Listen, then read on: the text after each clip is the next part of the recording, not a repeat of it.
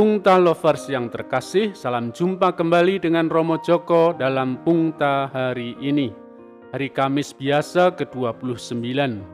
Diambil dari Injil Lukas bab 12 ayat 49 sampai 53. Renungan kita berjudul Api Kasih yang Tak Pernah Padam. Seorang ibu yang rajin dan aktif menggereja menghadapi dilema yang sulit – Anak gadisnya yang sedang mekar bak madu manis diisap oleh kupu-kupu muda yang menggelegak. Suara ibu yang selalu mengingatkan tak digubrisnya. Kedua insan yang dimabuk asmara ini nekat melangkah jauh. Hamil tak bisa disembunyikan. Anak gadis itu dikeluarkan dari sekolah, pergi meninggalkan rumah dan keluarga. Gadis itu dibutakan oleh cinta dan nafsu Ibunya hanya dapat berdoa mengeluh tanpa kata di depan patung Pieta. Ketika hidup tidak seperti yang dicita-citakan, kupu-kupu muda itu tetap terbang ke sana kemari mencari serbuk bunga. Si gadis ditinggalkan tanpa rasa berdosa. Ia merintih pedih dengan bayi merah di pangkuannya. Akhirnya dengan rasa sesal mendalam, dia datang mengetuk pintu hati ibunya. Kasih mamanya seperti api yang tak pernah padam. Ibu itu menerima anak dan sekaligus cucunya. Kasih pengampunan menghapus marah dan dendam. Di depan salib Tuhan, mereka merenda masa depan penuh harapan. Pungta lovers yang terkasih, Yesus datang untuk melemparkan api ke dunia api cinta kasih yang harus tetap dijaga nyalanya. Cinta Yesus yang berkobar itu harus dibasuh oleh air pembaptisan. Baptisan yang sesungguhnya adalah salib pengorbanan. Cinta sejati harus terwujud dalam pengorbanan diri.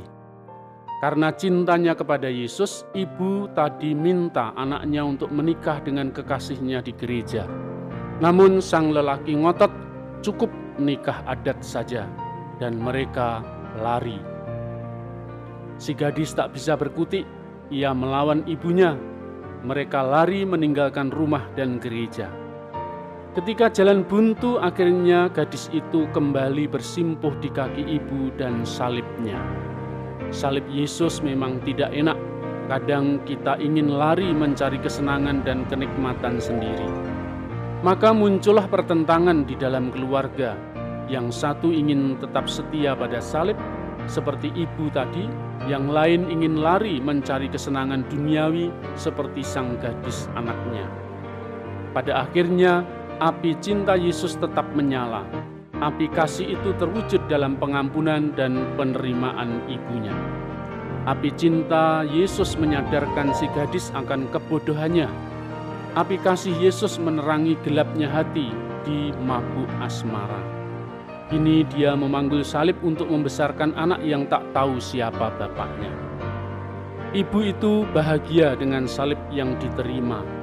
Ia hidup damai bersama anak gadis dan cucunya. Mereka bersama-sama memanggul salib dengan cinta yang tak pernah padam.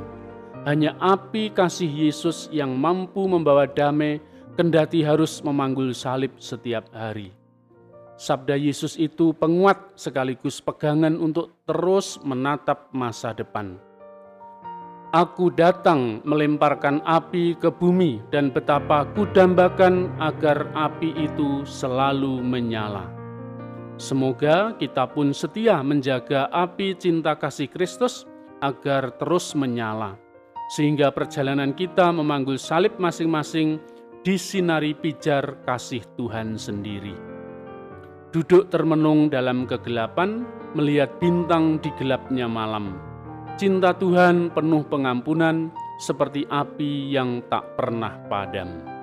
Sekian, sampai jumpa. Salam sehat dan selalu bersyukur agar kita bahagia, berkah dalam.